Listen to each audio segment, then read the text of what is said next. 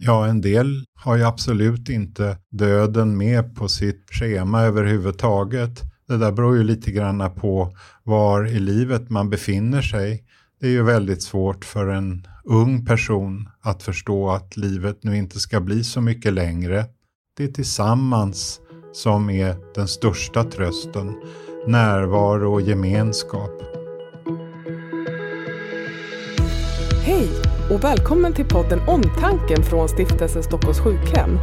En podd där våra medarbetare delar med sig av sina kunskaper så att fler kan ge en ännu bättre vård och omsorg.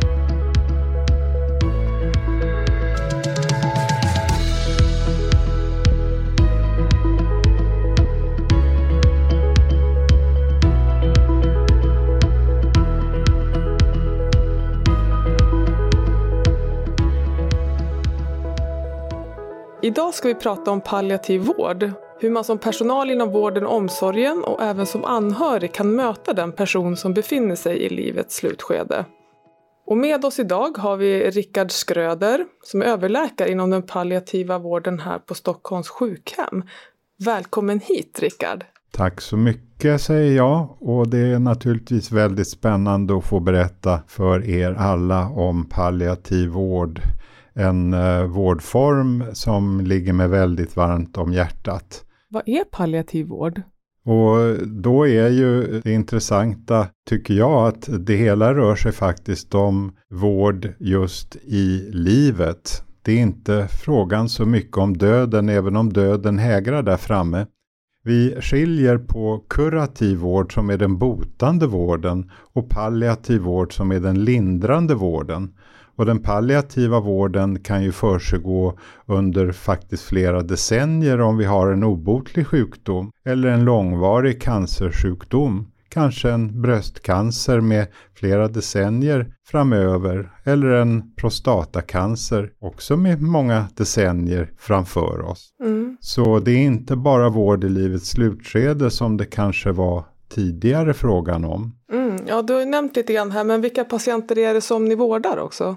Fortfarande är det ju i huvudsak cancerpatienter men vi försöker ju nu att även inkludera andra svåra sjukdomar. Det kan vara andningssjukdomar, det kan vara ALS, neurologiska sjukdomar och palliativ vård kan man också hjälpa patienter till som har en demenssjukdom. Så det är ett väldigt breddat patientmaterial numera. Vad är det första en patient får ta del av när de kommer till er som ja, patient antingen i hemsjukvården eller till avdelning? Ja, det viktiga är ju att försöka att få en bild av patientens symptom.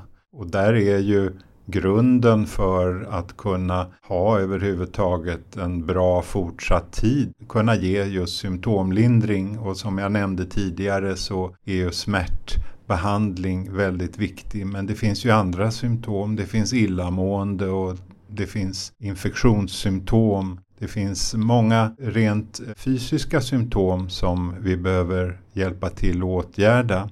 Och sedan kan vi komma in på de här lite mera mjuka och djupa värdena som är så otroligt viktiga. Men det går ju aldrig med en patient med svåra smärtor att föra ett djupare samtal kring livet. Då är det bara smärtlindring som gäller. Så att här gäller det att ha väldigt goda, breda kunskaper inom medicinen. Hur berättar man för en person att den är så dålig att den snart ska börja få palliativ vård? Det är ju väldigt viktigt att man redan på akutsjukhuset där patienten får sin sjukdom diagnostiserad kan klargöra för patienten att det här är inte en sjukdom vi kan bota. Däremot finns det väldigt mycket som vi kan göra under tiden framöver. I den tidig palliativa vården så finns det fortfarande ett hopp om att kunna förlänga livet. Men sen när tiden går så blir det allt svårare och till slut hamnar vi i livets absoluta slutskede och då kanske vi behöver vara hemma eller vi kan vara på en palliativ vårdavdelning. Och om man tänker att man är helt ny som sjukvårdspersonal på en avdelning, vilken brukar vara den största aha-upplevelsen? Ja, det är ju faktiskt som jag själv minns. Det var inte bara frågan om att vårda en döende patient utan det var också faktiskt frågan om att man kunde göra så otroligt mycket för patientens symptom där inte minst smärtan är framträdande men också oron och många frågor kring hur kommer min tid här på avdelningen att vara och kommer jag faktiskt att kunna skrivas ut härifrån? För det är inte alltid så att bara för att man kommer in och upplevs som döende så kan man faktiskt kvickna till och skrivas hem igen. Mm.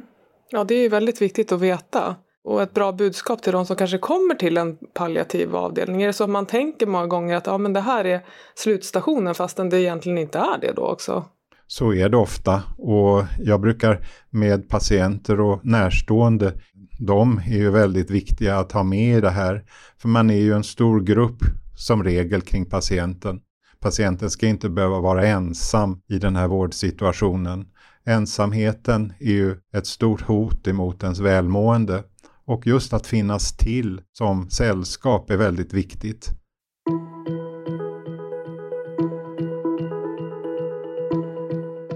Vi pratade lite grann om så här, vilken som är just den, den vanligaste missuppfattningen om palliativ vård. Och då har du liksom redan varit inne på det där att man tror att det bara är vård i livets absoluta slutskede och så är inte fallet. Finns det några andra vanliga missuppfattningar? Ja, det är nog så att eh, både patienter och närstående blir rätt förvånade över att de med den palliativa vårdpersonalen, och det behöver inte bara vara med doktorn utan kanske framförallt med omvårdnadspersonalen, också har fina samtal om livet självt. Vad man har gjort i livet, vad man har hoppats på och hur det har gått. Och man pratar också om trevliga och positiva saker, inte bara om det som är svårt och tungt. Så man pratar egentligen inte om döden? Självfallet pratar man om döden, men det är ju inte det första som vi börjar att prata om. Och naturligtvis för att kunna bli trygg så bör man också veta hur kommer det se ut för mig med just min speciella sjukdom eller problematik. Mm. Det finns ju någonting som man brukar kalla för just det svåra samtalet. vad är det svåra samtalet? Kan du berätta lite grann om det? Ja, det svåra samtalet har ju väldigt mycket att göra med hur har ditt liv varit? Vad är det som har varit svårt? Och man går ju i allmänhet inte in på det allra svåraste med samma man träffas utan det hela förutsätter att man har skapat en relation till varandra. Och ett samtal mellan två människor, det vet vi alla från vår vardag, det kan vi inte kommendera fram utan det uppstår helt plötsligt som ett fönster öppnar sig in till någons innersta och då börjar man tala om det som faktiskt är viktigt. Du säger att det, att det där bara uppstår, kan du ändå ge tips till vårdpersonal annars om hur når man dit? Jag skulle vilja säga att eh, mitt eh, viktigaste verktyg är ju ändå tiden. Att kunna ha tålamod, att kunna ha lugn, att kunna sitta ner och att ses några gånger. Och sen har vi ju alla våra olika personligheter som vi behöver använda oss av. Jag använder mig väldigt mycket av humor och min kunskap om samhälle och kultur och jag försöker hitta en ingång till patientens vanliga liv. Var bor de? Vad har de gått i skolan? Vad har de ägnat sig åt i livet? Det finns alltid någonting att prata om och så småningom kan vi komma över på det som egentligen är det svåra. Ja, nyckeln är tiden, intresset, nyfikenheten. Men det ska ju vara en nyfikenhet som är på patientens villkor. Jag ska inte prata om sånt för min egen skull, utan det är för patientens skull som jag för samtalet. Ja, allt verkar handla väldigt mycket om ja, kommunikation och samtal. Det är hela tiden ett samtal och där gäller det att väga sina ord på guldvåg under hela tiden observation av hur orden faller sig. Vi använder inte så ofta numera ord som somna in eller gå vidare eller liknande. Mm. Utan eh, vi använder nog oftare ordet när du dör en dag. Och framförallt om vi ska samtala med barn att vi inte använder ord som nu ska farfar somna in eller nu har farfar gått bort eller pappa eller mamma eller vem det nu är. För barn, de är mera direkta och tror att har farfar gått bort så kan han komma tillbaka. Så att eh, vi använder nog oftare ordet dö. Men det är så att våga prata om, om döden och att dö är förlösande i sig. Ja, just det. Det är viktigt att använda ordet att dö. Sen vad som händer på andra sidan dödsögonblicket, det kan vi också prata om. Mm. Och det kan vi bara spekulera om. Mm. Jag kommer inte att komma tillbaka och tala om sanningen för dig. Doktor Skröder var en patient som sa. Nej, gör inte det, sa jag till henne. Jag vill inte ha besök av några spöken. Nej, precis.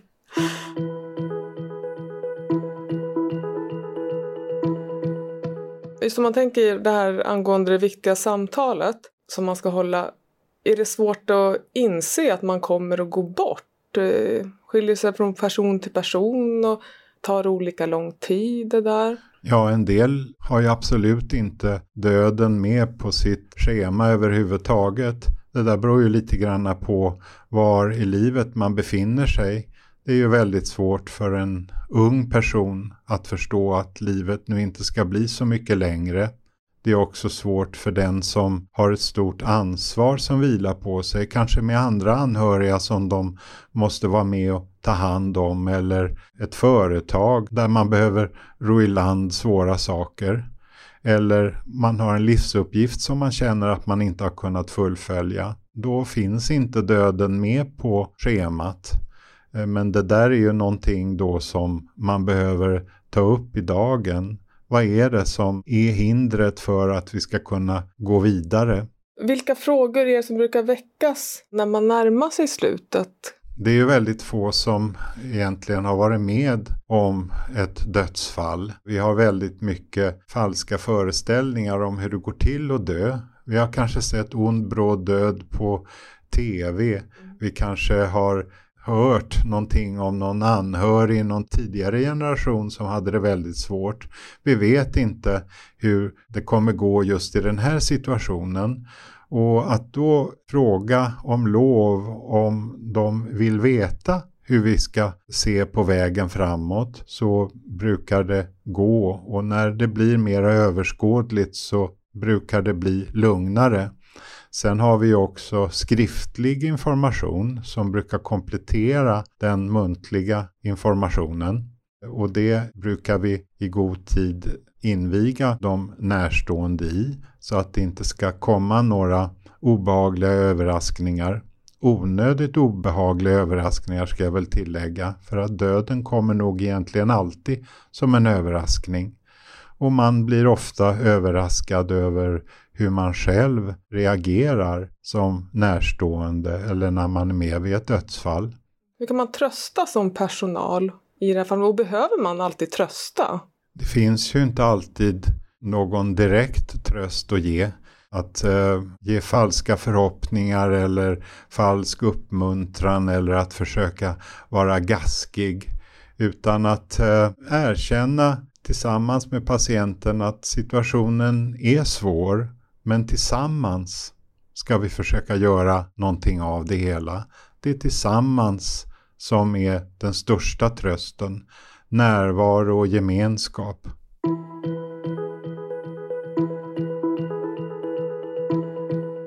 Finns det några tre bästa tips till vårdpersonalen? Och då tänkte jag att eh, exempelvis kan det vara att man jobbar på ett vård och omsorgsboende eller en geriatrisk avdelning. Och det är också personal som ska vara närvarande vid livets kanske slutskede även om man inte är på en palliativ avdelning.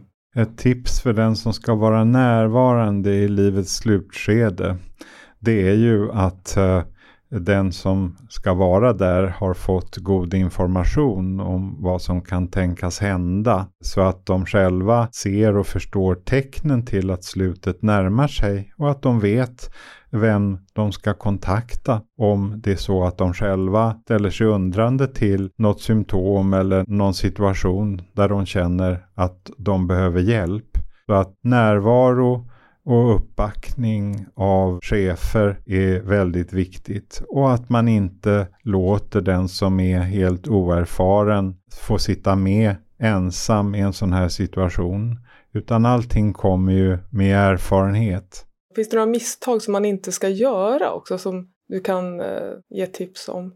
Ja, det gäller ju både till personalen och till de närstående att eh, försöka och propsa på att den som ska dö ska till exempel sitta upp, ska dricka, ska hällas i mat. Eh, ja, man får alltid fråga sig för vem skull är det som jag gör det här? Är det min egen ångest som jag ska bota? För mot döden så finns det faktiskt inte i det här skedet så många mediciner. I alla fall är det inte aktivitet och mat utan det är trygghet och lugn och ro. När jag kommer som konsult på en avdelning så kan jag få höra av personal men han kan ju inte leva om han inte får mat i sig. Eller om han inte får vätska i sig. Då brukar jag berätta det att cellerna i kroppen de är inte så speciellt eh, mottagliga nu för vare sig mat eller vätska utan risken är om den här personen ens får ner det ner i magen, att det hela kommer upp igen som ett illamående eller att han eller hon sätter i halsen. Och då har man ju faktiskt bara gjort det hela etter värre. Det finns ju omvårdnadsåtgärder som finns väl beskrivna för att underlätta exempelvis törst och där är inte vätska in i kroppen utan det är att fukta munnen, fukta läpparna, ha svalt i rummet, öppna ett fönster för att få det hela att kännas lite friskare och fräschare. Det är enkla åtgärder som egentligen inte är av medicinsk natur utan som är bara vanligt eh, förnuft. Mm. Och jag tänker som anhörig, man kan ju verkligen förstå det där att man gärna vill ge mat och ja, göra just de sakerna. Maten är ofta ett kärleksbevis. Men eh, i det här fallet så är nog närvaron själens föda. Men kan man tänka mer också just så som, som anhörig om man har närstående som ska gå bort att mitt, min uppgift är inte att komma in hit med mat utan det är att finnas här. Ja, och där är, är, vi ju kanske dåliga många gånger i vårt samhälle som vi är så inriktade på att producera och göra. Vi är väldigt dåliga på att bara sitta och finnas till. Vi tycker inte att vi är nyttiga då. Men vi är absolut nyttiga bara genom att vara sällskap. Idag är det många som kan ta med sig sin jobbdator och göra en hel del av jobbet på sin anhörigas sjukrum och bara finnas där i tystnad i ett hörn av rummet och sitta och göra sitt eller sitta och läsa sin tidning eller ett handarbete eller lägga ett pussel. Och helt plötsligt uppstår det där tidpunkten då den som är sjuk vill ha ett litet samtal eller slår upp ögonen eller vill hålla handen eller har någonting på hjärtat. Det vet man inte, det kan man inte kommendera fram. Och då är just att finnas där viktigt och vänta in. Är det tips som man kan ta med sig allmänt i vardagen? Att just att närvaron betyder väldigt mycket. Man behöver inte ha lösningar på problem utan Nej, vi brukar säga det hemma att eh, i alla fall mina föräldrar de ringde runt till bekantskapskretsen för att bara fråga hur det stod till. Det var inte alltid så att man behövde bjuda in på en middag eller något evenemang. Utan man ringde bara runt. Och det där tycker jag är rätt ovanligt idag. Att man bara ringer för att pratas vid en liten stund. Och det behöver vi ta med oss och återinföra.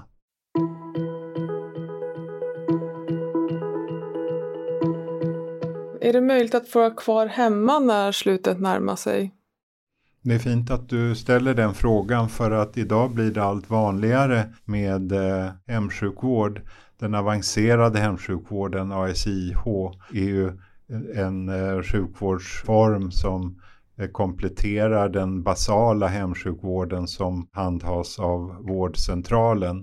Men de lite mer komplicerade tillstånden klarar vi idag i allmänhet av att ta hand om hemma.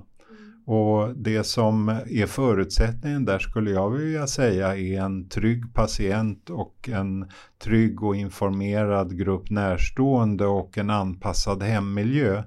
Där finns ju mycket kring resurser som man kan använda sig av. Hemtjänst är viktigt, men vi har ju sjukgymnaster och arbetsterapeuter som gör anpassningar av bostaden så att det ska fungera och sen besöker sköterskor och doktorer patienterna i hemmet så att det ska fungera. Och då den trygga och symptomlindrade patienten kan dö i sitt hem under väldigt goda omständigheter, så goda som det nu kan ordnas. Men vi har också mer och mer resurser för att kunna dö hemma. Förr i världen så dog folk hemma på kammaren. Sen kom en mellanperiod när allt skulle institutionaliseras och alla skulle dö på sjukhus. Nu har man förstått att det är många gånger en önskan att få dö hemma i sin trygga miljö. Och just i covid-tider så kanske det är också så mycket besöksrestriktioner och annat som gör att sjukhusmiljön inte är så lämplig alla gånger. Vi befinner oss ju just nu också i en pandemi. Vad är det som skiljer sig där? Kan man svara på den frågan kanske mot hur det brukar vara? Det svåra under den pågående pandemin är ju alla de svåra tankar som man har både kring om man själv ska drabbas, hur ens ekonomi ska drabbas, hur ska jag få besöka, har jag själv en skuld till att uh, den här personen, mamma eller pappa eller syskon eller vem det nu var, blev smittad. Så det finns eh, många gånger en rädsla för att smitta ner, en rädsla för att själv bli smittad. Så visst, pandemin påverkar på ett väldigt otrevligt sätt den här möjligheten till samvaro och närvaro och trygghet och förutsägbarhet som vi hade hoppats kunna förmedla kring den som är svårt sjuk och döende eller kring vår egen situation.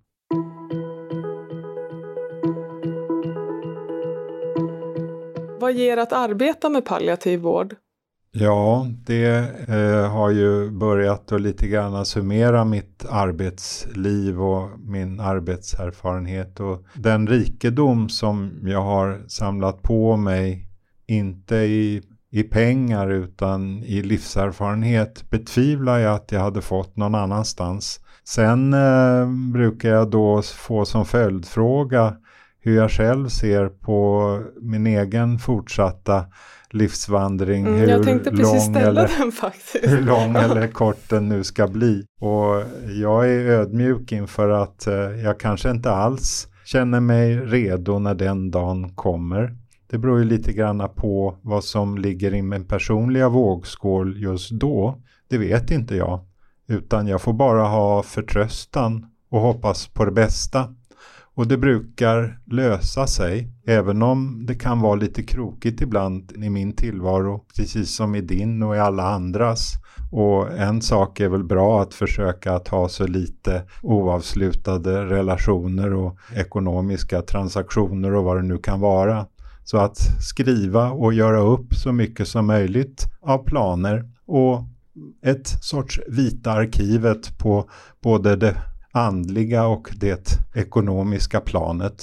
För det är sånt som annars tynger, just att man har oklarade saker. Naturligtvis, det är där som svårigheten att lämna det här livet finner sig. Att jag har mycket som hänger på mig, att jag har ansvar för någon annan anhörig eller ett företag eller en oavslutad relation eller vad det nu kan vara. Så att att städa i sig själv, i sina relationer och i sina lådor, det är jättebra. Det kanske är bra att göra lite tidigare också ibland, att man har Jo, det ska gudarna veta att ja. det vore nog bra att ta itu med de där garderoberna och lådorna som är stökiga. Men nu är det inte allt som måste göras heller. Det jag inte har gjort kanske jag får överlämna med förtroende till de som lever vidare. Mm. Och kunna vila i det. Ja, absolut. Ja.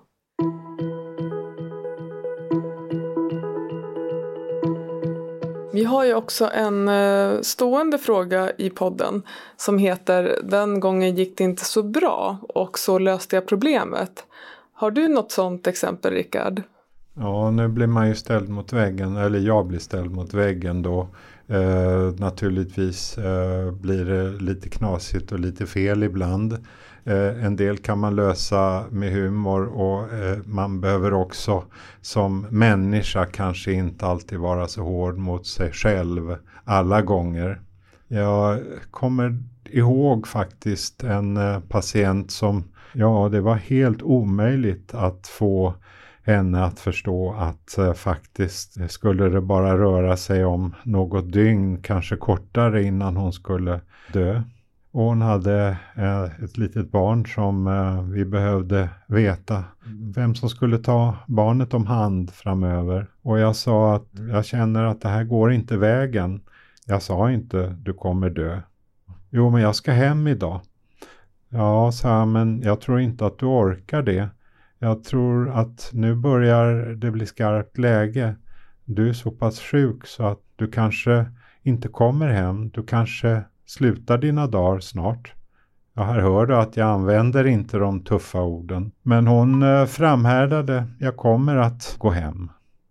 Jag kände att nej men, det här är desperat. Vem ska ta hand om hennes barn? V vad ska vi göra? Och då sa jag det efter att ha tänkt medan jag satt i samtalet och jag visste att hon också var skridskoåkare precis som jag. Jag har alltid isdubbar med mig när jag är ute, sa jag. Och det är inte för att jag planerar att plurra, utan det är för att kunna ta mig upp ur isvaken. Och samma sak att vi behöver skriva en viljyttring så att eh, vi vet vem som du tycker ska ta hand om ditt barn om det faktiskt är så att du inte klarar upp den här sjukdomen. Och vi skrev en viljyttring det skulle vara en nära släkting som barnet kände. Och nästa dag, ja hon hade dött under natten. Då är jag väldigt, väldigt tacksam att jag hade rådbråkat min hjärna och använt min fantasi för att försöka hitta en, en väg ut ur det här svåra. Mm. Att nå fram till henne helt enkelt. Ja. Mm. Ja, det var ett väldigt bra exempel. Och hur du löste ja, det problemet också. Tack för att du delar med dig.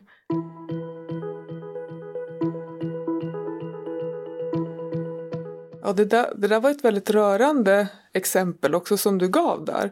Hur tar du hand om eh, dina egna känslor just i de här fallen? Visst blir jag rörd och berörd. Eh, visst får jag blanka ögon någon gång. Och jag tror inte att det är negativt för patienten eller de närstående att se att jag också har känslor. Det vore väl konstigt annars. Men jag måste också se till att eh, hålla ihop. Det är ju mig de ska luta sig emot. Så jag får helt enkelt inte bryta ihop inför patienten. Eh, men det är också viktigt att jag har möjlighet att kunna prata av mig tillsammans med en kollega eller i handledning eller med någon förtrolig person utan att röja tystnadsplikten naturligtvis. Men eh, visst blir jag berörd. Visst funderar jag, hur ska det här samtalet som jag nu ska ha, hur ska det gå, vad kommer hända? Jag vill hela tiden vara steget före. Så att eh, jag är beredd på vad som kan hända både med mig själv och under samtalets gång.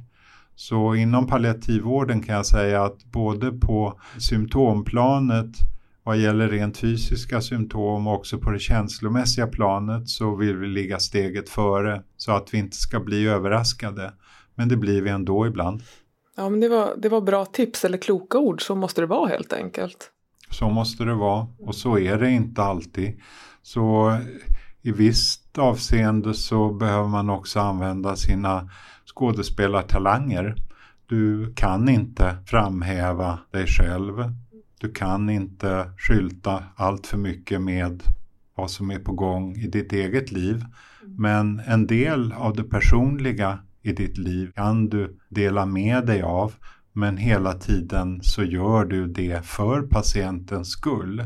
det är inte för din egen skull som du är hos patienten, det är för patientens skull. Ja, viktiga ord. Eh, ja, Rickard, är det någonting mer eh, som du skulle vilja dela med dig av idag som vi inte har tagit upp?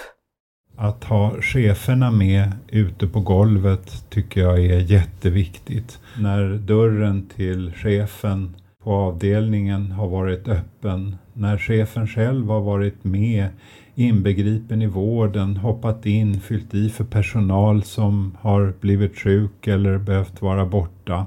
Då har de fått en känsla för vad som händer. Och det där blir svårare och svårare med alla kvalitetsparametrar och annat som de behöver sitta och hålla på med. Men jag hoppas att eh, framtidens tekniska lösningar inte ska innebära att cheferna mer och mer avlägsnar sig från golvet utan att de mer och mer finns på golvet. Mm, ja, det var väldigt bra tips. Så nästa avsnitt av eh, podden Omtanke så ska vi just prata om bra chefskap inom vården och omsorgen.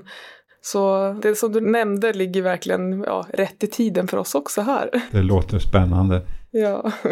Men eh, då Rickard så ska jag be att få tacka dig så hemskt mycket för att du var med i den här podden om tanken och delade med dig av dina kunskaper från den palliativa vården. Tack för att jag fick vara med och tack för att ni som lyssnar lyssnade.